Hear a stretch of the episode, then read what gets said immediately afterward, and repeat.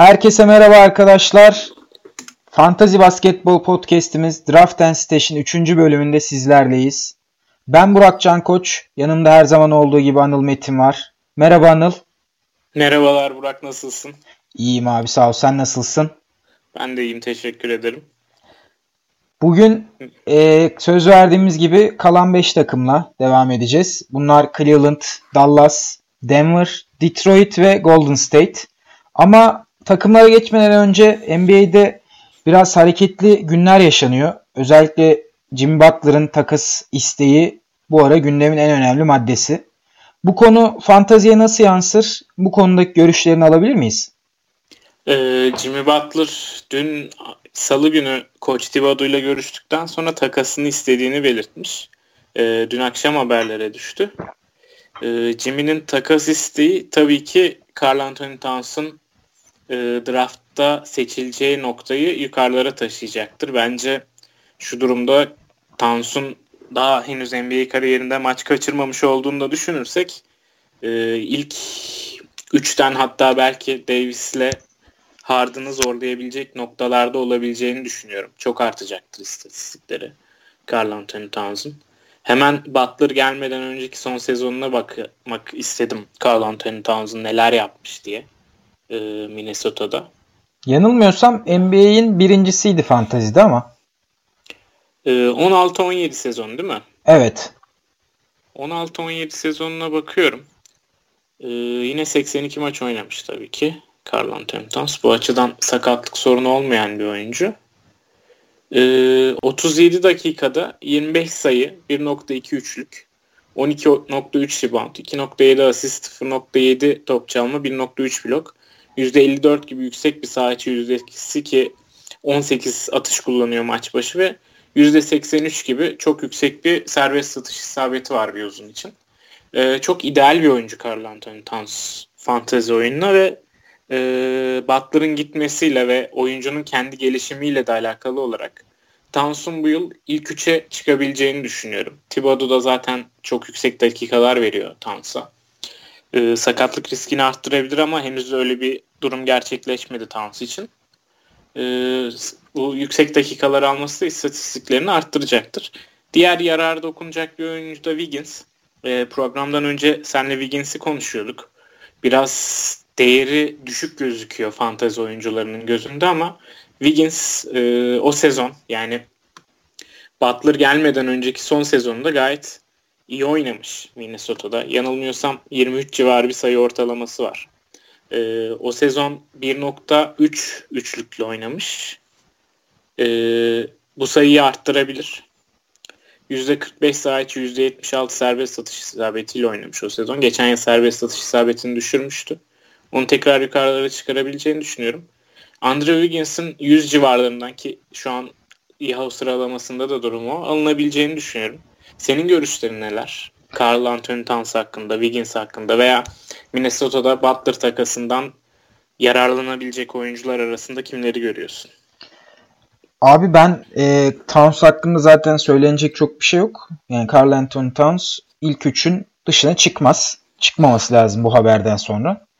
Wiggins'i de konuştuk dedin sen de bahsettin. Wiggins de bence yani ilk yüz içerisinden alınması gereken bir oyuncu. Yani ben Butler gitmeden önce de Wiggins'in birazcık fazla değerinin azaltıldığını, fazla gömüldüğünü düşünenlerdenim. Butler'da gittiği durumda ben Wiggins'in önünün bir hayli açık olacağını düşünüyorum. Yani Minnesota'daki diğer oyuncular hakkında da önümüzdeki programlarda konuşuruz zaten onu. O zamana bırakalım. Ama genel olarak Wiggins ve Towns'un değeri yükselir diye tahmin ediyorum. Butler'ın değeri de ilk 15, ilk 20 şeklinde gittiği herhangi bir takımda sabit kalır diye düşünüyorum. Peki Butler çok e, bütün kariyerini Tom Thibodeau ile geçirmiş bir oyuncu ve neredeyse her sezonda 37-38 dakikalar almış bir oyuncu. Yeni gittiği takımda dakikaları azalırsa Butler'ın istatistikleri düşer mi yoksa Butler e, az dakikada da bu istatistikleri verebilecek durumda olur mu ki gitmek istediği takımlar da Clippers, Brooklyn ve New York gibi göreceli zayıf takımlar. Şimdi, Sen ne düşünüyorsun bu konu hakkında? Ben dakikalarının yani Butler gibi bir oyuncu için dakika 38 tabii ki yüksek bir dakika ama düşse düşse 34 35 33'lere düşeceğini ve bunun Butler'ın fantazi katkısı açısından çok bir şey değiştirmeyeceğini düşünenlerdenim. O nedenle ben Butler'ın değerinin sabit kalacağına inanıyorum. E, takımların tanking nedeniyle Butler'ı daha az oynatması tabii ki olumsuz etkiler ama hani bu ihtimal bence daha düşük bir ihtimal. Biraz da e, free agentları çekebilmek için Butler'ı almayı isteyen New York, Clippers, Brooklyn gibi takımlar bence Butler'ı oynatacaklardır. Tabii ki bu yükünün Minnesota'daki gibi ağır olacağını gerektirmiyor. Ama Butler'ın de değeri dediğim gibi değişmeyecektir. Tamamdır o zaman istersen sıradaki 5 takımımıza geçelim. Evet abi. Ee... Cleveland'la başlayalım. İstersen sen başla. Ee, burada senin e, göz bebeğin diye sayılabilecek Kevin Love var. Takımın en önemli Love oyuncusu. Var. Takımın tartışmasız en önemli oyuncusu e, Kevin Love ve bu yazıda ben Kevin Love bu sezon ne yapar ne eder diye araştırmak için bayağı vakit harcadım. Ee, Abi hemen bir müdahale de, edebilir miyim? Tabii ki.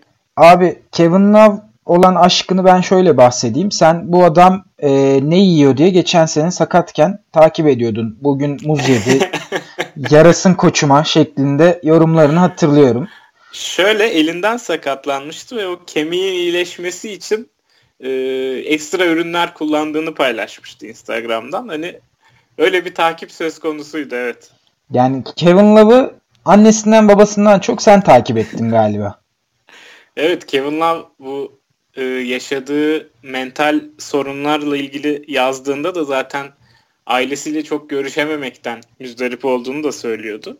E, Kevin Love'un mental sorunlarıyla da ilgilenebileceğimi buradan belirtmek isterim ama tercih etmeyecektir muhtemelen. Ama Kevin Love özel bir ilgi alanıma giriyor kesinlikle. Evet istersen başlayalım o zaman. Fantezi açısından Kevin Love ne yapar? Fantazide Kevin Love ne yapar? Kevin Love e, Kevin Love'ın ilk podcast'te bahsettiğimiz bu son Minnesota'daki son sezonunda hücum onun üzerinden dizayn ediliyordu. Yani Kevin Love'ın başarılı olabileceği şekilde dizayn edilmişti. E, bunu Cleveland'da çok görmedik. E, Kevin Love orada e, daha çok topu posta ve elbow'da alıp hem yaratıcı hem bitirici roldeydi. Çok güzel setler çiziliyordu üzerine. Ee, burada Kevin Love'a ekleyebileceğim şey geçen yıl sakatlıktan sonra yani sakat olduğu 6-7 haftalık süreçte e, şut stilini ufak eklemeler yapmış. Yani biraz daha yukarı çıkarıp topu potaya gönderdiği noktayı e, biraz daha hızlı göndermeyi öğrenmiş Kyle Korver'dan. E, bu nasıl yansımış diye baktım. Üçlük rakamları yükselmiş Kevin Love'ın geçen yıl sakatlıktan döndükten sonra. Yani Kyle Korver'la yaşaması, e, Kyle Korver'la çalışması bayağı işine yaramış Kevin Love'ın. E, %40'ın üzerine de çıkarmış üçlük yüzdesini döndükten sonra. O yüzden bu yüzden Kevin Love bu yıl daha iyi bir üçlük yüzdesi ve daha çok üçlük kullanarak dönebilir diye düşünüyorum. Ee, ama bahsettiğimiz gibi artık NBA'de savunmaların rahat yardım getirebilmesi ve daha rahat ikili sıkıştırma yapabilmesi sebebiyle Kevin Love'ın postta Minnesota'daki kadar çok top alıp rahat bitirebilecek pozisyonda olmayacağını düşünüyorum. Yine de istatistikleri yüksek olacaktır. Yürüyen bir double double olacaktır. Ee, zaten geçen yıl ortalamaya baktığımızda 25. sırada bitirmiş Kevin Love. 25'in ortalama olarak 25'in kesinlikle üstüne çıkacaktır. Top 15'te, top 20'lerde kesinlikle bitirecektir. Top 10 olmayacağını düşünüyorum sadece ben bir durumun. Ama Kevin Love'daki en büyük sorun sakatlık riski. Yani 75 maçları, 76 maçları gördüğü sezon sayısı çok az. Genelde 5 e, hafta, 6 hafta gibi e, uzun süreli sakatlıklar yaşayan bir oyuncu. 3 kere elini kırmış bir oyuncu. Hani bu açıdan sıkıntılı durumda Kevin Love. Ee, o yüzden aldığınız zaman Kevin Love'ın sakatlık riskinin yüksek olacağını ama oynadığı maçlarda size iyi katkı vereceğini söyleyebilirim. 20'lerden gördüğümde Kevin Love'ı kaçırmam diyebilirim. Bu yıl çok şey bekleniyor kendisinden. Çok da boşa çıkarmayacaktır diye düşünüyorum. Sadece Minnesota'daki halini tam olarak göremeyeceğiz. Onun dışında Cleveland'da bir diğer oyuncu Cedi. Cedi'yi de konuşmuştuk ama tekrar Cedi'ye eklemek istediğin şeyler var mı? Cedi söylediğimiz gibi NBA'nin en iyi kısa forvetlerinden birisi artık. En azından antrenmanlar bunu söylüyor. Ee, Cedi bu sene benim beklenti içerisinde olduğum bir oyuncu. Sleeper sayılır mı ondan emin değilim ama e, geçtiğim yani geçtiğimiz yıllara yıla oranla çok üstüne çok büyük bir ekleme yapacağını düşünüyorum. Tabii ki LeBron'un gitmesi sonucunda önünde açılan dakikalar bunun en büyük sebebi. Ancak Cedi'nin zaten oyuncu kartında da yer alan e, benzer tipte bir oyun LeBron'a ya da ne bileyim bu e, oyun kuran kısa forvetlere benzer e, özellikleri, benzer yetenekleri Cedi'nin fantazi açısından değerini bence biraz daha yukarı taşıyor. Gerek rebound çekebilmesi, gerek savunma istatistikleri, gerek asist katkısı, gerek üçlük atabilmesi Cedi'nin all around bir oyuncu olmasının önündeki en önemli gösterge. E, Cedi'deki tek kötü hani olumsuz olarak değerlendirebileceğimiz nokta belki şut yüzdesi olabilir. Şut yüzdesi olacaktır hatta. Bu şut yüzdesinde e, göz ardı edebilir miyiz? Bence edebiliriz çünkü Cedi bence Cleveland'da ne kadar önünde yer e, dakikalar olsa da 15-16 şut gibi yüksek şut sayıları kullanmayacaktır. Bu nedenle FG olarak düşük olsa da yüzde olarak düşük olsa da bunun hacminin düşük olacağını da varsayarsak takımlarınızı o kadar da kötü etkileyeceğini ben düşünmüyorum. Yani 142. sırada görünüyor ortalama olarak Cedi Osman. E, 142'nin Cedi için bence gerçekçi bir sıra olduğunu düşünüyorum ve bu nedenle Cedi'nin 140'lardan 130'lardan alınabilecek bir risk olduğuna inanıyorum. Yani senin ekleyeceğin bir şey var mı Cedi'ye? Cedi hakkında benim ekleyeceğim bir şey yok ama benim kafamı karıştıran nokta Cleveland'ın rotasyonunun gerçekten çok geniş olması. Ee, Cedi'nin dakikaları bence riskli değil. En az bir 25 dakika görecektir Cedi. Ama diğer oyuncular için ne düşünüyorsun? Mesela Radnut senelerdir çok şey beklenen bir oyuncu. Ee, geçen yıl yerini Donovan Mitchell'a kaptırmamış olsaydı Utah'ta ya da Donovan Mitchell'ın bu inanılmaz çıkışı olmasaydı Hood ve Utah e, daha doğrusu Utah Hood'dan çok şeyler bekliyordu. Özellikle takımın e, ilk sayı opsiyonu olması açısından Hayward gittikten sonra. Acaba Hood bu sene yine buralarda aynı şansı bulabilir mi? Geçen yıl Utah'ta bulup Donovan Mitchell'a kaptırdığı şansı bu yıl Cleveland'da bulabilir mi? Olumlu konuşmuş Cleveland'daki bu yıl göstereceği performans hakkında kendisi. Yoksa yerini yine bir çaylak olan yukarılardan seçilen Colin Sexton'a kaptırabilir mi dakikalarını veya yerini? Sen ne düşünüyorsun bu konuda? Ben Rodney Hood'u geçen sene draft etmiş birisi olarak Rodney Hood'un e, katkısının gayet yeterli seviyede olduğunu düşünüyorum ama Cleveland'da tabii e, biraz daha Cleveland'ın o karışıklığı ile beraber ritmini kaybetti ve sayı ortalaması düştü, yüzdesi düştü. Sadece üçlük atan sıradan bir oyuncuya evrildi. Ancak bu sene Utah'ta başladığı gibi hızlı bir başlangıç. E, Cleveland'ın skor yükünü çeken ikinci, üçüncü oyuncu olmasını bekliyorum. Hatta ikinci oyuncu olması daha gerçekçi olur. Love'ın arkasında. Yaklaşık 15 sayı, 2.5 üçlük, 3 rebound, 1 steal gibi hani Rodney Hood'un Rodney Hood'dan görmeye istediğimiz katkılar bekliyorum. Bu da onun için ben draft hakkı olarak Cedi ile benzer seviyede hatta Cedi'nin daha da üstünde seçilmesini öngörüyorum. Dakika olarak da 26.9 dakika gibi bir ortalaması var geçen sene. 26.9 dakikanın Rodney Hood için bu senede gerçekçi olduğunu düşünüyorum. 27-28 dakikaları bulacağını inanıyorum. Colin Sexton'ın biraz daha e, bir numarada yani George Hill'in arkasında bekleyerek veya George Hill ile beraber oynayarak Rodney Hood'un 3, Cedi'nin zaman zaman 4 oynadığı 5'ler görebiliriz diye düşünüyorum. E, bu noktada ben burada kaybedenin yaşının da etkisiyle J.R. Smith olmasını bekliyorum. J.R. Smith'in artık Cleveland'da e, barınmasının geçen seneki finallerden sonra biraz zor olduğunu düşünüyorum. Sen ne dersin kısa rotasyonu hakkında Cleveland'ın? E, J.R. Smith hakkında da Houston iddiaları çıkmıştı sezonun başında ama Smith'in zor takaslanabilir bir kontratı var. Yaklaşık 2 yıl 30-31 milyon civarı bir kontratı var. Onu ona dakika vereceklerdir diye düşünüyorum. İyi oynamasını umacaklardır ve takas değeri olmasını bekleyeceklerdir diye düşünüyorum J.R. Smith'in. Ee, ama buradan bir oyuncu takaslanırsa mesela J.R. Smith veya belki Clarkson veya Corver gibi bir oyuncu takaslanırsa e, dakikalar aç, açılacaktır. Uzun rotasyonlarında çok fazla oyuncuları yok. Yani Kevin Love, Tristan Thompson ve Larry Nance dışında çok dakika alacak. Yani Zizic, Fry veya Sam Decker'ı dakika alacak seviyede görmüyorum ben bir playoff takımı, playoff kovalayan bir takım için. E, o yüzden Cedi'nin ya da belki Nwaba'nın 4 numarada oynama ihtimalleri olursa biraz daha bu oyunculara dakika açılabilir. Ama onun dışında e, Cleveland backcourt'undan George Hill belki iyi katkılar verebilir ama George Hill'in de sakatlık durumu yani senelerdir ortada e, yaklaşık 50-60 maç oynayan bir oyuncu sezon içinde.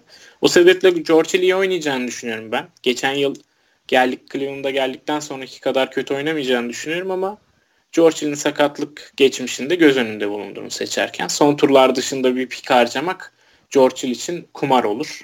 Hani bunu söyleyebilirim. Bu geniş rotasyonda özellikle. Onun dışında eklemek istediğim bir isim var mı Cleveland'dan? Cleveland'da genel olarak şundan bahsedebilirim. Biraz e, milliyetçi duygularında etkisiyle Cedi dışında seçmeye değer gördüğüm bir Rodney Hood, Cedi. Bunların dışındaki oyunculara ben kolay kolay yanaşmayacağımı düşünüyorum. Tabii Kevin, Kevin sakatlık durumu Ke... seni korkutuyor mu? Kevin Love'ın sakatlık durumundan ziyade beni korkutan şey Cleveland'ın playoff'u erken e, playoff yarışına erken havlu atması beni korkutuyor. Eğer böyle bir durum olursa Kevin Love'ın o beklenen top 20, top 15 katkısının sekteye uğrayabileceğini düşünüyorum. Sakatlık konusu Love özelinde biraz şansla da alakalı. Yani bir insanın 3 defa elini kırması hani nasıl tarif edeyim e, çok böyle pozisyon icabıdır şeklinde değil de şanssızlıkla açıklanabilecek bir durum gibi geliyor bana. O nedenle e, Love'ın sakatlığından ziyade Cleveland'ın playoff iddialarının bitmesi bunun önündeki en büyük engel olur diye düşünüyorum. Anladım. O zaman Cleveland'da benim ekleyeceğim bir şey yok. İstersen Dallas'a geçelim buradan. Evet buradan ee, Dallas'a geçelim. Ben hemen sana şunu sorayım. Dallas'ın ilk beşi sence nasıl olacak? Dallas'ın ilk beşi nasıl olacak? Ben Nowitzki'yi kesinlikle ilk beş başlatacaklarını düşünüyorum. Bunun da tek sebebi hani yıllardır Dallas'ta oynayan, Dallas'ta 19-20 sezon geçirmiş bir oyuncunun hani oynayacağı son sezonda muhtemelen son sezonunda hani ona bir saygı göstergesi olarak bunu yapacaklarını düşünüyorum ama oyundan da ilk çeyrekte ilk çıkan oyuncu Nowitzki olacaktır. Yani 2-3 dakika oynadıktan sonra Nowitzki kenara gelip yerini muhtemelen Doncic'e bırakacaktır. O yüzden hani Dallas'ın başlayacağı ilk 5 değil de en çok kullanacağı ilk 5 Dennis Smith Jr., Doncic, Wesley Matthews, Harrison Barnes ve DeAndre Jordan şeklinde olacaktır diye düşünüyorum. Ee, burada da senin gözüne çarpan bir oyuncu var mı bu ana rotasyonda Dallas'ta katkıyı katkısını arttıracak veya iyi bir sezon geçireceğini düşündüğün? Ben e, burada Harrison Barnes'ı düşünüyorum. Harrison Barnes'a güveniyorum. E, geçen seneyi 90. sırada bitirmiş Harrison Barnes overall'da. E, bu 90. sıranın ben Harrison Barnes kalibresindeki bir oyuncu için birazcık düşük olduğunu düşünüyorum. Yani bu adamın bence ilk 60, ilk 70, ilk 50 hatta biraz daha zorlarsak ilk 50-60 potansiyelin olabileceğine inanıyorum. Ee, geçtiğimiz sene 19 sayı ortalaması, 1.5 üçlük, 6 rebound, 2 asist gibi bir ortalaması var. %44 FG biraz düşük kalsa da ben Harrison Barnes'tan bu sene biraz daha verimli ve olumlu bir performans bekliyorum. Ee, Barnes'ın draft sırası olarak 72'de görünüyor. 72'nin ben olası bir yani iyi bir draft sırası olduğunu düşünüyorum. Bu da bizim 16 liglerimizde 4. tur sonu 5. tur başı şeklinde yorumlanabilir. Buralar için bir takımın 4. 5. 5. oyuncusu olması açısından e, Harrison Barnes'ın değerli olabileceğine inanıyorum. Onun dışında e, DeAndre Jordan'ın konuştuğumuz üzere ilk programda DeAndre Jordan'ın draft e, blok ortalamasını yükseltmesi halinde değerli bir kaynak olacağını düşünüyorum. Bunların yanı sıra e, Dennis Smith ve Doncic'in e, çok da öyle fantazi açısından aşırı değerli oyuncular olacağını inanmıyorum. İstersen bu konuda sen ne düşünüyorsun onu öğrenelim. Ee, ben önce bir Harrison Barnes konusuna değinmek istiyorum. Ee, ben Harrison Barnes'ın oyununun bu yıl çok gelişmeyeceğine inanmıyorum. Bunun da tek sebebi şu. E, Dallas'a geldikten sonra üçlük ortalamasını ilk sezon 1 ile oynadıktan sonra geçen yıl 1.5'a çıkarmıştı. Ama genellikle 3 ve 4 numaradan hatta çoğunlukla 4 numaradan süre alan bir oyuncu için e, defansif istatistikleri çok düşük durumda yarısın varsın. Yani 0.6 steal, 0.2 blok yapan bir oyuncu e, otomatikman size iki kategoride katkı vermiyor diyebiliriz. İki asist gibi düşük bir asist ortalaması var. E, sağ içi şut yüzdesi hiçbir zaman yüksek olmadı. Şu an %44. Önceki yıl %46'lardaydı. Hani o yüzden Harrison Barnes'ın daha çok bir specialist olarak görülmesi gerektiğini düşünüyorum. Yani 18-19 sayı atan, 6 rebound çeken e, bir buçuk üçlük ortalaması da fena değil 4 numaradan 3 numaradan alacağınız katkı için. E, %82 ile 83 ile de serbest satış yüzdesiyle oynayan bir oyuncu. O yüzden biraz specialist olarak görülmesini bekliyorum. Eğer draftın 5. E, 6. turlarına geldiğinizde yani 90'lara 100'lere geldiğinizde 80'ler civarında eğer yeterince sayı bulamadıysanız yukarıdan sayı arıyorsanız veya biraz rebound çekip biraz üçlük atan bir oyuncu arıyorsanız attığı sayıların yanında hani Harrison Barnes'ı alabilirsiniz. Ama yukarılara çıkmayacağını düşünüyorum Barnes'ın. Ee, Dennis Smith Jr. konusunda geçen yıl çok verimsizdi Dennis Smith Jr. Hatta baktığım zaman 232'lerde bitirmiş ortalama olarak ama bu onun değerini yansıtmıyor tabii. Ee, 29.7 dakika almış. Bu dakikalar artacaktır sayı ortalamasının ve üçlük ortalamasının artmasını bekleyebiliriz. Keza asistinde artmasını bekleyebiliriz. Ama şut yüzdesini kesinlikle yukarı çekmek zorunda. Keza serbest atış yüzdesini de yukarı çekmek zorunda. Hani bunun ne kadar gerçekleşeceğiyle alakalı ama ben Dennis Smith Jr.'ın bütün kariyeri boyunca şut yüzdesinin %40'larda hani çok %42 belki %43 oralarda gezineceğini ve fantezi açısından çok verimli bir oyuncu olacağını düşünmüyorum. Ee, bu yıl Doncic'te de paylaşacak oyun kurma sorumluluklarını. O yüzden inanılmaz bir patlama beklemiyorum Deniz Smith. John, Doncic'i de konuşmuştuk ilk podcast'imizde. Hı. Detaylı olarak konuşmuştuk. O yüzden Doncic'e de ekleyeceğim çok bir şey yok. Ee, Wesley Matthews var. Sen onun hakkında neler düşünüyorsun bu yıl? Wesley Matthews player option'ını en erken kullanan oyunculardan biriydi. Nisan ayında Nisan ayında takımına haber vermişti ben 18-19 milyonluk player option'umu kullanıyorum diye. Bu bir adamlık göstergesidir. Enes Kanter son güne beklerken Rezumetus Nisan'dan kullanacağını bildirmişti. Böyle bir kontrat bulamayacağını bildiği için. Ne düşünüyorsun Matthews hakkında? E, Matthews ligde yer bulan iyi oyunculardan biriyken artık gördüğün gibi bir çakallık peşine düşmüş. Sıradan oyunculara oyuncuya evrildi. Sıradan bir oyuncuya evrildi. Aşil koparmak böyle etkiliyor işte. Evet oyuncuları. aşil koparmak paranın değerini biraz daha arttırıyor bu tip oyuncularda anlaşılan. Ee, Wesley Matthews yani ben şöyle görüyorum. Wesley Matthews'u sadece üçlük ve belki steal katkısı için alınabilecek ama onun dışında herhangi bir alana e, ortalama üstü bir katkı vereceğini düşünmediğim bir oyuncu. Çünkü yani yüksek görünen bir serbest atış yüzdesi var ama maç başı 1.6 serbest atış deneyen bir oyuncu için isterse bu yüzde 50 olsun, bu yüzde 100 olsun çok bir etkisi olmayacaktır. E, Wesley Matthews'u ben yani kendi adıma draft etmeye değer görmüyorum. Tabii ki bu adam draft edilebilir, edilecektir de ama benim takımlarımda yer almayacak tipte bir oyuncu. Ben Wesley Matthews'tan beklediğim katkının bir benzerini daha gerilerden Cedi, Rodney Hood gibi potansiyeli daha yüksek oyunculardan almayı tercih ederim. E, Wesley Matthews'un kaçıncı sıradan seçileceğine dair yani benim aklımda bir fikir oluşmuyor. Senin aklında bir fikir var mı? Yani Wesley Matthews bu yıl e, Dallas'a yani takımın genel kalitesinin artmasıyla ben hem dakikalarının hem de e, bulduğu istatistiklerin düşeceğine inanıyorum. Yani 12 2.7 ortalama sayıyla oynuyor. Bu onlara düşebilir. 2.4 üçlü ikilere düşebilir. Ama Wesley Matthews'u belki draftın sonlarında hani üçlük specialist olarak takımda bulundurmak istersiniz. Yani 11 top kullanıyormuş maç başına. Bu, bu sayı da onlara 9'lara düşecektir. %40 FG'si hacmi az olduğu için etkilemeyecektir sizin takımınızı çok fazla. Ee, o yüzden üçlük specialist olarak draftın sonlarında eğer üçlüye ihtiyacınız varsa alınabileceğini düşünüyorum Matthews'un ama onun dışında çok bir şey beklememek lazım bu yıl ilerleyen yaşıyla birlikte Wesley Matthews'dan.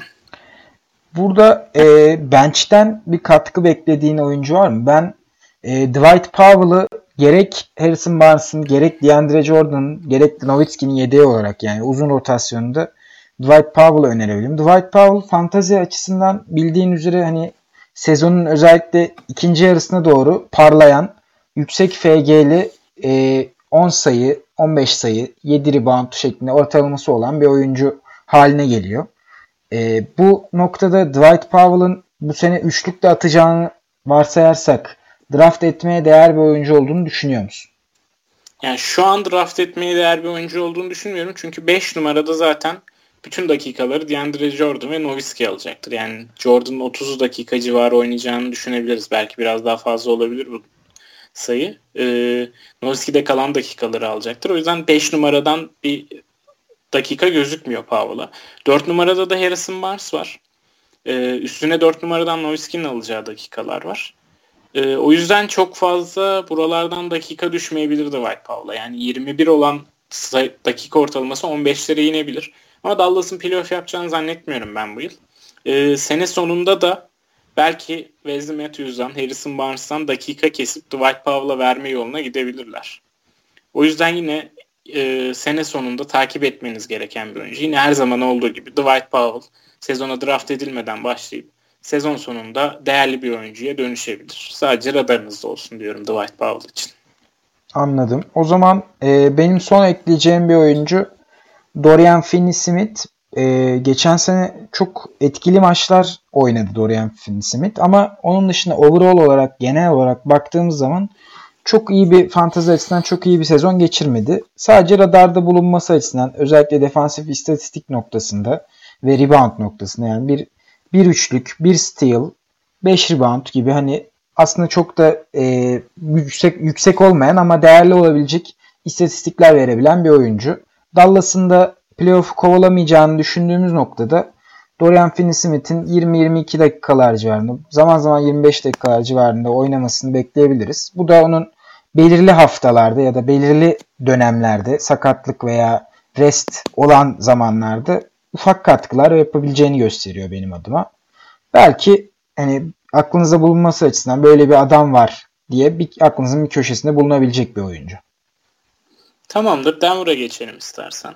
Evet Denver'a geçelim. Denver offseason'ın en önemli hamlelerinden birini yaptı ve Isaiah Thomas'ı aldı.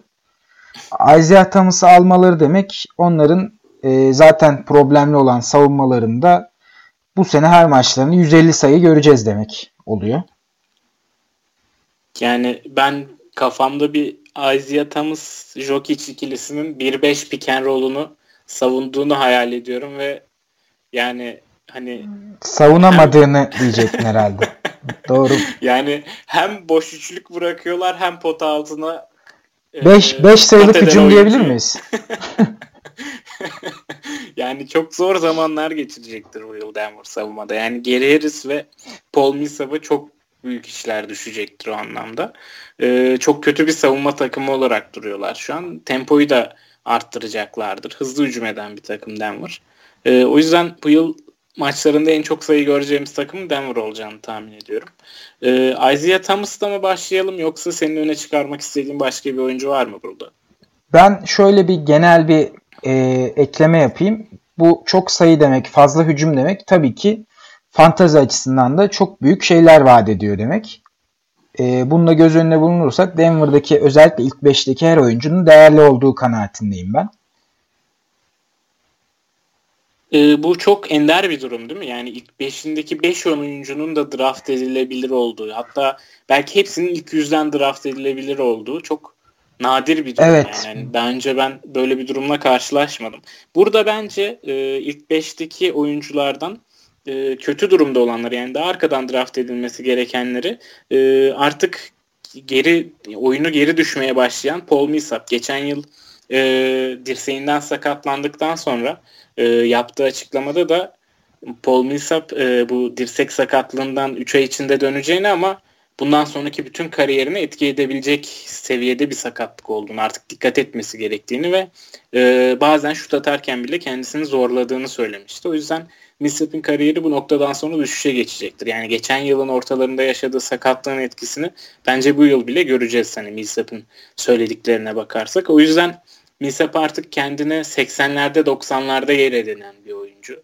Ee, bundan 2-3 yıl önce top 10, top 20 katkısı veren oyuncunun buraları gö- düşmesini görmek üzücü. Ama gerçek bu şekilde artık. Paul Millsap'in geçen yılda ortalamada 81. bitirdiğini düşünürsek artık yeri oralar diye düşünüyorum. Ee, bir üçlük, bir stil, bir blok ligine giriyor. Elit bir topluluk burası. Yani bir stil, bir blok, bir üçlük yapan oyuncular sayısı azdır. Nadir bulunan bir stat settir. Oraya giriyor. Öyle bir avantajı var Millsap'in. All around bir oyuncu. e, mini artık mini Al Horford diyebiliriz Millsap için. Böyle düşünüyorum. Will Barton da 50'lerden gidiyor. Ben bu noktaya biraz takıldım. Bence Will Barton geçen yılı her ne kadar top 50 civarında oynamış olsa da top 60 civarında oynamış olsa da ilk 5'e geçmesi Will Barton'ın aleyhine çalışabilir biraz. Yani bench'ten geldiği zaman e, Murray gibi, Harris gibi ya da Jokic gibi topu kontrol eden oyuncular bench'te olduğunda e, ball handling sorumluluğu Will Barton'ın üstüne düşürüyordu. İlk 5'teki oyuncularla birlikte zaman aldığında bu azalacaktır ama Will Barton iyi bir oyuncu. Yine top 50 top 60 katkısı verebilecek bir oyuncu.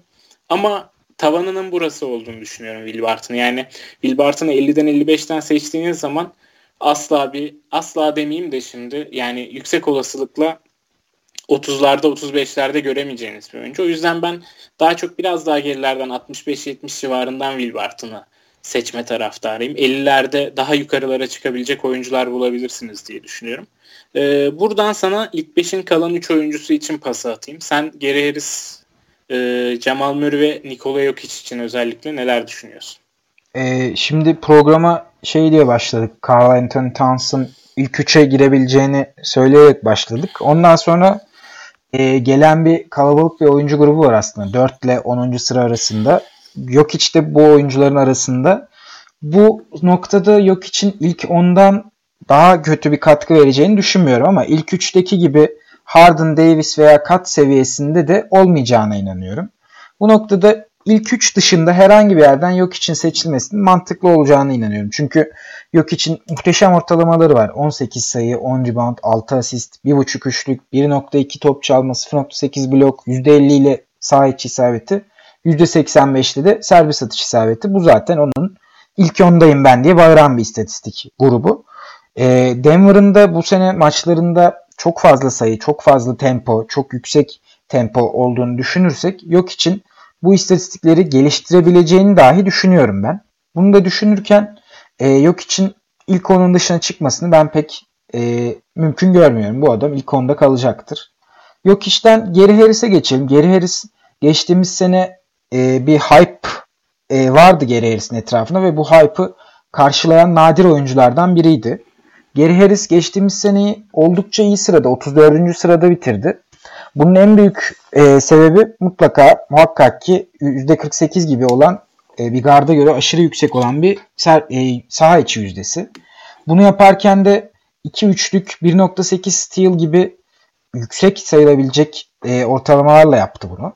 Bunların hepsi bir de hepsinin yanı sıra bir garda göre 1.8 gibi göz ardı edilebilecek bir top kaybı sayısı vardı. Gary Harris'in bu sene e, Wilson Chandler'ın da gidişiyle 2-3 numaradaki boşluğun yarattığı 2-3 numaranın yarattığı boşlukla geçtiğim senenin üzerine koyacak bir performans göstereceğini düşünüyorum. E, yine benzer sıralardan yani yukarılardan seçilmesinin e, mantıklı ve doğru bir hamle olacağını düşünüyorum. Bence seçildiği yeri karşılayacak ve hatta belki üstüne bile çıkabilecek bir oyuncu. Çünkü ortalamada 47. 48. sıradan gittiği görülüyor Geri Harris'in. Ben ilk 30, ilk 35 şeklinde bir performans verebileceğine inanıyorum Geri Harris'in. O noktada Geri Harris'in seçmeye değer ilk 50'den alınması gereken bir oyuncu olduğunu düşünüyorum. Blok dışında bu adamın herhangi bir şekilde zarar verdiği bir yer görmüyorum ben. Blokta bir guard'dan ne kadar beklersiniz o da tabii ki sizin takdiriniz. Burada Jamal Murray'e geçeyim hemen. Jamal Murray de Geri Harris'e aslında benzer bir e, oyun oynadı ama Geri Harris'ten şut yüzdesi biraz daha düşüktü top e, kaybı biraz daha yüksek olduğu için sıralamada kendine daha geride yer buldu. Ancak Jamal Murray'nin e, yüksek ve elit sayılabilecek bir servis atış yüzdesi var. %90 gibi. Yanılmıyorsam NBA'de de ilk 5'teydi. Hatta birinci bile bitirmiş olabilir. Emin değilim şu an. Ve %45 gibi aslında bir garda göre ortalamanın biraz üstünde sayılabilecek bir saha içi yüzdesi var. Bunları düşündüğümüz zaman Jamal Murray'nin de ben ilk 50 katkısı yapabilecek bir oyuncu olduğunu düşünüyorum. Hatta burada şöyle bir şey dikkatimi çekiyor. Murray 42.5 görünüyor ortalama sırası. Geri Harris'in 47.5 görünüyor. Ben Geri Harris'i daha değerli gördüğüm için Geri Harris'i Murray'nin önünde seçmenin daha doğru bir hamle olacağını düşünüyorum. Senin bu konudaki görüşlerin neler? Ee, Isaiah Thomas da dakikaları Geri Harris'ten değil muhtemelen Murray'den alacaktır. Eğer alırsa. Yani birlikte oynama ihtimalleri de var ama bu Isaiah Thomas, Jokic, Murray üçlüsü aynı zamanda sahada bulunduğunda hani çok sıkıntılı şeyler olabilir defansta e, Denver adına. E, benim görüşlerim de seninle çoğunlukla aynı şekilde. Hani Jokic'in ben sadece son iki ayda yaptıklarını bir hatırlatmak istiyorum dinleyicilerimize. E, Jokic geçen yıl son iki ayda top 3 oynadı. 22 ee, sayı, 1.9 üçlük, 11.2 rebound, 7.1 asist, bir uzundan 7.1 asist, 1.2 top çalma, 1 blok, %53.5 serbe e, saha içi ve %85.5'da serbest satış yüzdesiyle oynadı. Hani bunlar muhteşem istatistikler. Hani 2 üçlük 1.2 top çalma 1 blok gerçekten harika istatistikler Jokic için. E, 7 reboundun 7 asistini ve 11 reboundunu da eklediğimiz zaman yüzdeleri zaten harika bir oyuncu e, her alana katkı veren bir oyuncu böyle baktığımızda Jokic. Ben de e, geçen yılın sonunda oynadığı bu kadar harika istatistiklerle değil ama sezonu belki top 5 içinde geçir, geçirebilecek, top 7 içinde geçirebilecek bir oyuncu olduğunu düşünüyorum. E, o yüzden değerli bir oyuncu Jokic. E, benim kafamı karıştıran kızım Isaiah Thomas'ın rolünün ne olacağı. Zaten kampa hazır gelmesi bekleniyordu ama sanırım kampa daha tam hazır olarak gelmemiş. Hani 2-3 e, 2 yıldır süre gelen 2 yıldır demeyeyim de geçen yıl bütün sezonu sıkıntılı geçirmesine neden olan bir sakatlığı var. Ee, ne düşünüyorsun bu Isaiah Thomas'ın durumu ilgili? Valla ben Isaiah Thomas'ın durumu ilgili olarak Isaiah Thomas'ın artık yani NBA'deki devrinin kapanmaya başladığını düşünüyorum. Bunun önündeki en büyük engel tabii ki sakatlığı. Denver'da da ben alacağı sürenin ne Jamal Murray'i ne Gary Harris'i ne de diğer e, backcourt'taki diğer isimleri etkileyeceğini düşünüyorum. O nedenle benim göz ardı edeceğim bir oyuncu Isaiah Thomas. O yani çok söyleyecek bir şeyim yok. Fantazi açısından da gerçek yani NBA hayatı açısından da Isaiah Thomas'ın devrini kapandığını düşünenlerdenim ben. Ya ben de seçmeyi çok düşünmem. Yani Isaiah Thomas'tan aldığım katkıyı e, sağlığı daha iyi olan bir oyuncudan da alabileceğimi düşünüyorum. 120-130. sıralardan. Ama Isaiah Thomas'a inanıyorsanız, bu yıl geri dönüş yapacağına inanıyorsanız 120-130 civarlarda bir pik harcanabilecek bir pik ama bu tamamen sizin görüşünüze bağlı. Yani Isaiah Thomas'a inanmanıza bağlı. Gördüğüm kadarıyla ikimiz de inanmıyoruz Isaiah Thomas'ın bu yıl sağlıklı ve iyi bir sezon geçirebileceğine. Evet. Ee, Denver'da benim dikkat çekmek istediğim bir isim var. O da hani geçen yıl Millsap yoktu yokluğunda Trey Lyles 4 numarada oynadı ve iyi maçlar da çıkardı Trey Lyles o zamanlar. Ee, ama genel olarak hani 15 dakika ortalamayla sezonu kapattı. Sadece Millsap yokken dakikaları yüksekti.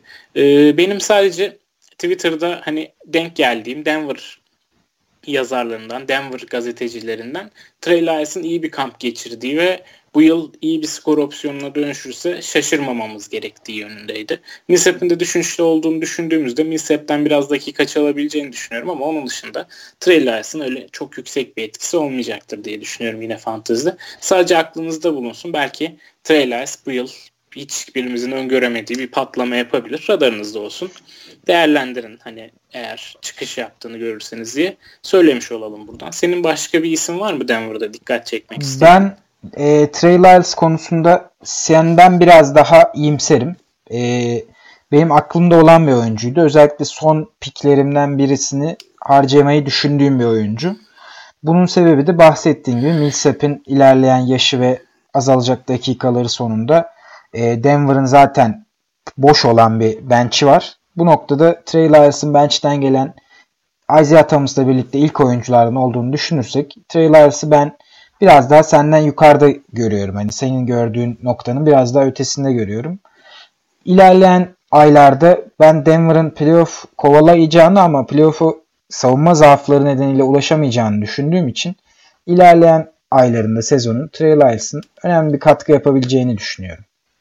Anladım. Başka bir oyuncu yoksa aklında Detroit'e geçebiliriz. Evet Detroit'e geçebiliriz. Detroit e, tam bir sirk havasındayken Stan Van Gundy'nin koçluktan ayrılmasıyla bambaşka bir e, rotaya girdi.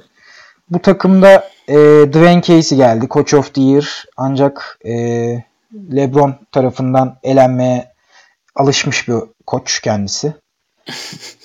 Bu sene neyse ki LeBron doğuda değil ama Detroit playoff'a girebilir mi, giremez mi? Bence fantazi açısından en büyük problem de burada başlıyor. Neler söylemek istersin? Ee, ben Detroit'in kadrosunda yani Griffin ve Drummond dışında e, playoff yapacak bir takım için elle tutulur bir oyuncu göremiyorum. Yani Reggie Jackson verimsiz bir oyuncu ve aradıkları oyun kurucu mu bilmiyorum. Ee, o, sebeple Griffin ve Drummond dışında Detroit'in kadrosu bence playoff'a yetmeyecektir. Yani Cleveland'ın biraz geri, gerisinde Charlotte'la kafa kafaya görüyorum ama bence e, bu playoff yarışını kazanan Cleveland olacaktır diye düşünüyorum. E, onun dışında Detroit'te istersen Griffin ve Drummond'la başlayalım. E, sen Drummond'u geçen yıl draft etmiş biri olarak yakından takip etme imkanı buldun Drummond'un geçirdiği en iyi sezondu bugüne kadar. Neler söylersin Drummond'la ilgili? Abi Drummond kilo vermiş.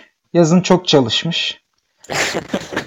ee, üçlük atıyormuş artık. Üçlük atmaya başlamış şeklinde klişe yorumlardan sonra Drummond'un geçtiğimiz sezon kadar iyi oynamayacağının garantisini verebilirim. Bunun sebebi Black Griffin gelmesi ve Black Griffin'in ball handling e, oyun yönlendirici görevlerinin artması, Drummond'ın ekstra olarak yaptığı asistin düşmesi ve zaten e, verim açısından özellikle serbest atış noktasında verim açısından problemi olan bir oyuncunun Detroit'teki bu bir takım playoff'a girme girmeme sorunlarıyla birlikte bocalayacağını düşünüyorum. Bunun bir numaralı e, sebebinin de Dwayne Casey kaynaklı olacağını düşünüyorum. Dwayne Casey'nin Andre Drummond'ı ileriye taşımaktansa geriye taşıyacağını, geriye götüreceğini düşünenlerdenim. E, sezonun son iki ayına baktığımızda Drummond'ın 15 sayı 16 rebound gibi bir e, katkısı vardı geçen sene. 1.1 steal, 1.8 blok. Ancak ben bunun bu sene sürdürülebilir olduğunu düşünmüyorum. En azından steal ve blok noktasında. Bunun nedeni de Detroit'in içinde bulunduğu kargaşada e, bir takım soyunma odasında ve içeride bir takım problemlerle karşılaşacakları yönünde olacak. Ben bu problemi e, birazcık hani abartarak söylüyorum ama Detroit bu sene karışacak bence. Detroit'in bu sene karışmasının önündeki e, en büyük engel de Stan Van Gundy'ydi bence. Öyle bir koçun varlığıydı. Dwayne Casey'nin sirkinde Blake Griffin, Reggie Jackson gibi, Ish Smith gibi e, neydi belirsiz kendi kendine at koşturan oyuncularla Andre Drummond'un verimsiz bir sezon geçireceğini düşünüyorum. Ben de Drummond konusunda kesinlikle seninle aynı fikirdeyim. Zaten Dwayne Casey e, kısa beşlerle oynamaya Toronto'da özellikle son döneminde takmış bir oyuncu. Yani Valenciunas'ın dakikaları gitgide düştü. Casey gelmeden önce 30'larda oynayan Valenciunas'ın dakikaları geçen yıl 22'ye düşmüştü en son. E, Drummond 35 dakikayla oynadı geçen yıl ortalama. E, bu dakikaların ben 30 civarlarına ilk sezonda hatta sonrasında daha çok da düşebileceğini düşünüyorum Blake Griffin'in varlığı devam ederse Detroit'te. Griffin'in daha çok 5 oynayacağını düşünüyorum ama e, daha çok 5 oynamak Griffin'e de çok bir şey katmayacaktır. Çünkü blok ortalamaları ve top çalma ortalamaları hani bir uzun için yerlerde olan bir oyuncu. Yüksek şut yüzdesiyle de oynamayan bir oyuncu. Serbest atışları fena değil bir uzun için. %80'le atıyor ama son bir ayında Detroit'te 3 atış kullanmış maç başı. Hani %80'li 3 atış kullanmak demek neredeyse bu alanda da katkı vermiyorsunuz demektir. Ee, o açıdan yüksek top kaybı da var Blake Griffin'in 2.9 gibi. Yani 20 sayı buluyor maç başına. Ee, üçlük rakamlarını bu yıl çok yukarılara çekti, ikilere çekti ama bu tabi sağ içi yüzdesinde azalmaya sebep oldu. Ee, 6.4 gibi az bir reboundu ama out of position dediğimiz 6.2 gibi son iki ayında Detroit'te çok yüksek bir asist ortalaması var. Hani Blake Griffin'i seçiyorsanız hem sakatlık riskini göz önünde bulundurun. Hani her yıl sakat geçirmiş bir oyuncu. Yani ben oynadığım dönemde Blake Griffin'in sakatlanmadan geçirdiği bir yıl hatırlamıyorum. Belki vardır hani varsa kusura bakmasın dinleyicilerimiz ama Blake Griffin genellikle her sezon sakatlanan bir oyuncu. Geçen yılda 58 maç oynamış. Draft etmeye değer olmadığını düşünüyorum Blake Griffin'in. 40'lara 50'lere düştü draft edildiği yer ama oralardan bile gitmemesi gerektiğini düşünüyorum ben artık Blake Griffin'in. Ee, yararından çok zararı var. Etrafına takım kurmak zor bir oyuncu. Hani kuracağınız özel bir takımda bile yer vermek zor bir oyuncu. O yüzden hani Blake Griffin'i seçenlere, güven, güvenenlere, Blake Griffin'den umudu olanlara tabii ki saygımız sonsuz ama Blake Griffin asla benim takımlarımda özellikle sakatlık riski sebebiyle olmayacak bir oyuncu. Senin Blake Griffin'le ilgili görüşlerin neler veya e, wing rotasyonu ve guard rotasyonu hakkında görüşlerin neler Detroit'te? Abi şöyle senin söylediklerin ek olarak e, Black Griffin'in son 5 e, sezonda hatta 4 sezonda pardon kaç maç oynadığına baktım şöyle bir. E, sırasıyla 58, 58, 61, 35 ve 67 şeklinde gördüm. Ondan önce düzenli ve e, yüksek sayıda maç oynamış ancak bu e, sakatlığının da etkisiyle, yaşının da etkisiyle büyük ihtimalle daha sonra oynadığı maç sayıları düşmüş. Yani bu adamın bu senede 75 civarında maç oynamasını ben pek ol, e, olası görmüyorum. E, tezimin de arkasındayım. Detroit'in karışacağını, Detroit'in huzursuzluklarla dolu olacağını düşünenlerdenim. O nedenle e, geçtiğimiz haftaya oranla e, ben biraz daha Blake Griffin'i seçmeye odaklıydım ama bu dediğim gibi bu tezden ötürü, bu görüşlerinden ötürü büyük ihtimalle Detroit'ten bir oyuncu seçmeyeceğim. Black Griffin de bu noktada benim radarımda yer almayacak. Onun dışında kısa rotasyonunda özellikle yani bu takımın ilk 5 başlayacak kısası Reggie Block olarak görünüyor. E, şütör olarak. Reggie Block hani NBA için kabul edilebilir bir oyuncu ama daha fazlası asla değil. Kabul edilebilir bir oyuncu da fantazide nasıl etkiler? Ben herhangi bir etkisinin olacağını düşünmüyorum. Sadece iki üçlü ve belki belki o da bir steal ile hani rahatlıkla free agent'tan, waiver'dan bulabileceğiniz tipte bir katkı vereceğini düşünüyorum. Onun dışında belki hani Blake ve Drummond'dan zaman kalırsa e, John Leo, John Lawyer'ı Leuer'i önerecektim. Ama onun da bir sakatlığı vardı. Ne durumda onu bilmiyorum. E, start e, şeyini training kampın başlamasına e, döneceği söyleniyor ama ne durumda döner o konuda bir bilgim yok. O yüzden hani ben Detroit'in pas geçilmesi gereken bir takım olduğunu inanıyorum. Ben de aynı fikirdeyim Detroit'in pas geçilmesi gereken bir takım olduğunu ama ben e, Reggie Bullock konusunda sana katılmıyorum. E, Reggie Bullock bence geçen senenin sürprizlerinden biriydi. E, dakika alması beklenmezken bir anda kendini 30 dakikalarda buldu. E, Detroit'in zayıf wing rotasyonunda da ben Reggie Bullock'un en iyi oyuncu olduğunu düşünüyorum. Yani Stanley Johnson, Luke Kennard ve Glenn Robinson tree'nin önünde görüyorum Reggie Bullock'u.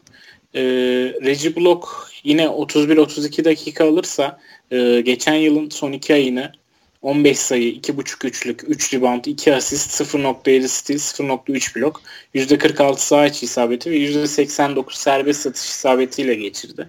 Hani sayı ve üçlük specialisti olarak son turlardan Reggie Block'u seçmeyi deneyebilirim. Hani benim listemde olan bir oyuncu. Ee, onun dışında Luke Kennard var. Onun hakkında görüşlerin neler? Malik Wong ve Luke Kennard Donovan Mitchell'ın önünden seçilmiş ve bir anlamda seçen takımları pişman etmiş iki oyuncu. E, Malik Monk'tan çok şey beklediğimizi söylemiştik. E, Luke Kennard'la ilgili görüşlerin aynı şekilde mi? Ben Luke Kennard'ı Malik Monk kadar yukarıda görmüyorum, yüksek görmüyorum ama Luke Kennard'ın takip edilmeye değer bir oyuncu olabileceğine inanıyorum. Luke Kennard'ın Block'un aksine draft edilmesinin daha olası olduğunu düşünüyorum ben. Bunun sebebi de Luke Kennard Detroit'in e, yatırım yapmak istediği, dediğin gibi Donovan Mitchell'ın da önünde seçilmiş bir oyuncu. Bunları e, Detroit'in bu oyuncuları geliştirmek, yükseltmek, promote etmek için dakikalar verip onlardan biraz bir şeyler bekleyeceğini umuyorum.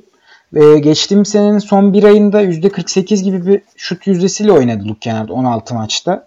Bu bir guard için oldukça yüksek bir yüzde. Bunu devam ettirebilirse ben değerli bir oyuncu olabileceğine inanıyorum. Ancak dediğim gibi sezona pek olası bir şekilde e, pek iyi bir şekilde girmesini pek olası görmüyorum Detroit'in ve Luke Kennard'ın. Ancak sezonun ilerleyen zamanlarında Luke Kennard büyük ihtimalle free agent'tan alınabilecek bir durumda olacaktır. O zamanı beklemek daha doğru olur diye düşünüyorum. E, Malik Monk'u bir maçta izledik yaz liginde. Çok etkiliydi ama Luke Kennard'ı e, ben hiç yaz liginde oynarken görmedim. E, o açıdan Luke Kennard'la ilgili söyleyebilecek sakatlığı vardı dizinden sonra. Evet ufak bir sakatlığı vardı. O nedenle peki oynamadı. O yüzden söyleyecek çok bir şeyimiz de yok Luke Kennard'la ilgili. Detroit'te e, konuşmak istediğim başka bir oyuncu var mı? Biraz çöp oyuncular kaldı diyebiliriz Detroit'te. Ee, bahsetmediğimiz oyuncular arasında. Yani Reggie Jackson ve Ish Smith al birini vur ötekine. Tencere yuvarlanmış, kapağını bulmuş şeklinde bir ikili. Bir de üzerine yetmiyormuş gibi Jose Calderon gibi bir ekleme yapmışlar. Yani hangi of, akla of, of, of. hangi akla hizmet bu eklemeler yapıldı gerçekten aklım almıyor. Detroit yani NBA'de izlemesi en keyifsiz takım olabilir gibi görünüyor. Dwayne Casey Coach of the Year bile kurtarmaz diyorsun. O zaman Golden State'e geçelim istersen. Golden State'te e, konuşulacak çok bir şey yok. İyi oyuncular. Herkese teşekkürler dinlediği için. Görüşmek üzere. Golden State Pussies de olarak bilinirler.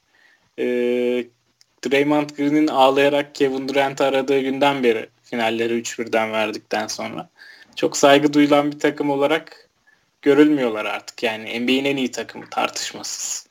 Ee, en iyi 2-3 oyuncusunu barındıran takımlardan biri. Harika bir kadroları var. Ee, Draymond Green, pardon Demarcus Cousins'ı eklediler. Neler düşünüyorsun bu yıl? Cousins'ın etkisini zaten konuşmuştuk ama özel olarak ilgi çekmek istediğin bir oyuncu var mı? Ee, benim, Golden State'te. Benim ilgim burada Clay Thompson çekiyor. Nedendir bilmiyorum ama Clay Thompson e, biraz daha gerilerde gördüm ben 35'lere sarktığını gördüm ama şu an kontrol ettiğimde 28. sıradan ortalama olarak draft ediliyor Clay Thompson. Ben Clay'in geçtiğimiz sezonlara benzer şekilde gayet verimli, gayet e, yüksek sayı ortalaması, yüksek e, 3, 3 sayı ortalamasıyla oynayacağını düşünüyorum. Yani baktığımda Clay Thompson son 3 4 4 senedir 20 üzerinde sayı ile bitiriyor ortalama olarak. 1 civarı steal'ı ve 0.5 civarı blow var. Ve bunların yanı sıra bunları bir kısa için, bir şutör için gayet iyi sayılabilecek %46, 47, 48 gibi yüzdelerle yapıyor. Bunun yanında da %87'lerde, 85'lerde şut e, serbest atış yüzdesi olduğunu düşündüğümüz zaman hani bazı insanlar için yan statları çok iyi değil şeklinde yorumlar olsa da bu adamın e, ortalama olarak yaptığı diğer statlar ve elit olarak yaptığı sayı üçlük ve yüzdeler şeklinde ayrıldığı noktalar var. Bunu, bu nedenle ben bir ikinci tur veya erken bir üçüncü tur pikini e, Clay için kullanmanın mantıklı olabileceğini düşünüyorum. Curry ve Durant açısından da yani bu adamlar ilk 10'daki o en değerli oyunculardan ikisi. Ne kadar sağlıklı kalabilirler? İstersen bunu konuşalım. Neler söylemek istersin?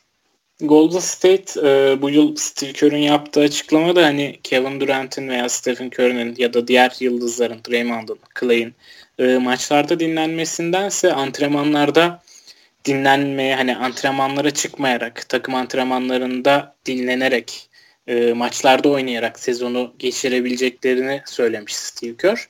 E, NBA'in katılaşan e, rest kurallarını da düşündüğümüz zaman e, sezon sonundaki rest ihtimali çok fazla olmayacaktır. E, Golden State oyuncuların. Yani geçen senelerde son 3 haftada 4-5 rest yiyorlarsa 2-3'e düşecektir diye bu rakam düşünüyorum hepsi için ama hala bu rest ihtimali yüksek bir ihtimal ve ben ilk turdan seçtiğim bir oyuncunun Curry'nin, Durant'in ya da ikinci, üçüncü turlardan seçtiğim Draymond Green'in, Clay Thompson'ın e, playoff zamanı geldiğinde maç kaçır rest yüzünden maç kaçırmaması gerektiğine inanıyorum. Yani öyle isterim daha doğrusu takımımda. E, o yüzden ben Golden State'ten seçilebilecek bir oyuncu görmüyorum. Yani seçeceğim bir oyuncu görmüyorum. Sadece e, Clay Thompson maç kaçırmak yani rest almama isteği üzerinde de çok duran bir oyuncu. Yani sezon sonu geldiğinde bu isteğini dile getiriyor. Zaten geçen yıl aralarında da en çok maça çıkan oyuncu 73 maçta Clay Thompson. Arkasından Draymond Green geliyor 70 maçta. Durant'in de son 3 sezonda hep maç kaçırdığını gördük. Stephen Curry'nin de geçen yıl o geride bıraktığını düşündüğümüz ayak bileği sakatlıkları geri dönmüştü. O yüzden ben sakatlık ve rest riskinin Curry ve Durant'te özellikle çok yüksek olduğunu düşünüyorum. Clay Thompson'ı belki düşünebilirim. Ee, onun dışında öne çıkarmak istediğin bir oyuncu var mı Golden State'te?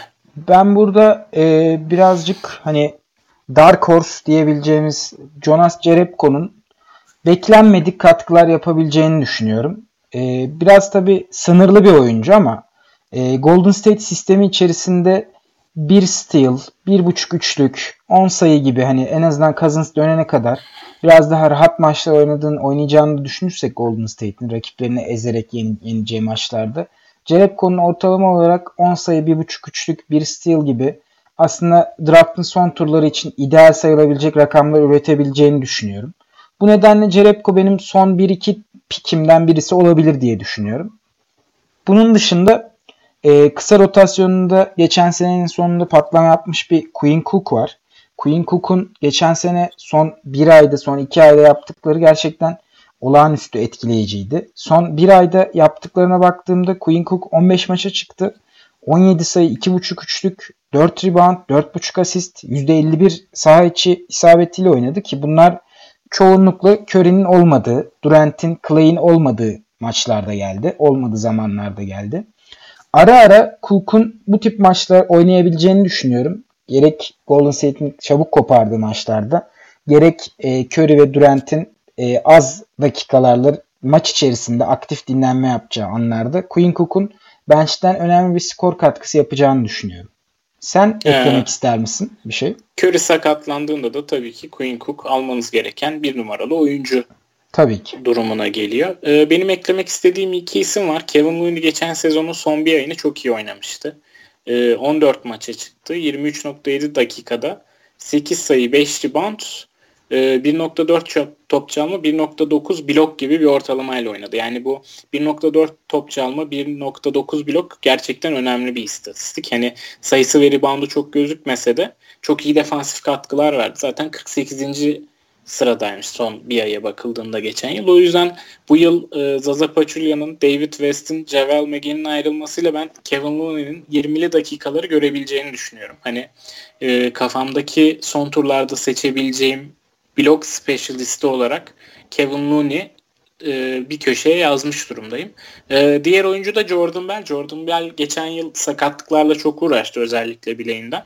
E, bu sakatlıkları geride bırakabilirse e, Golden State'in e, gönderdiği 3 yaşlı oyuncu işte biraz önce bahsettiğim Maggie, Zaza Pachulia ve David West'ten açılan dakikalarda Jordan Bell'in 5 numaradan ve 4 numaradan e, süre alarak all bir katkı verebileceğini düşünüyorum ki onun da dakika başına savunma istatistikleri çok yüksek bir oyuncu. Mesela geçen yıl son bir ayda 15 dakikada bir blok yapmış. Eğer dakikalarını 20-25 civarına çekebilirse top çalma ve blok istatistikleri çok yukarılarda görebiliriz Jordan Bell'in. Hani dakika başına ürettiği istatistik çok yüksek olan bir oyuncu.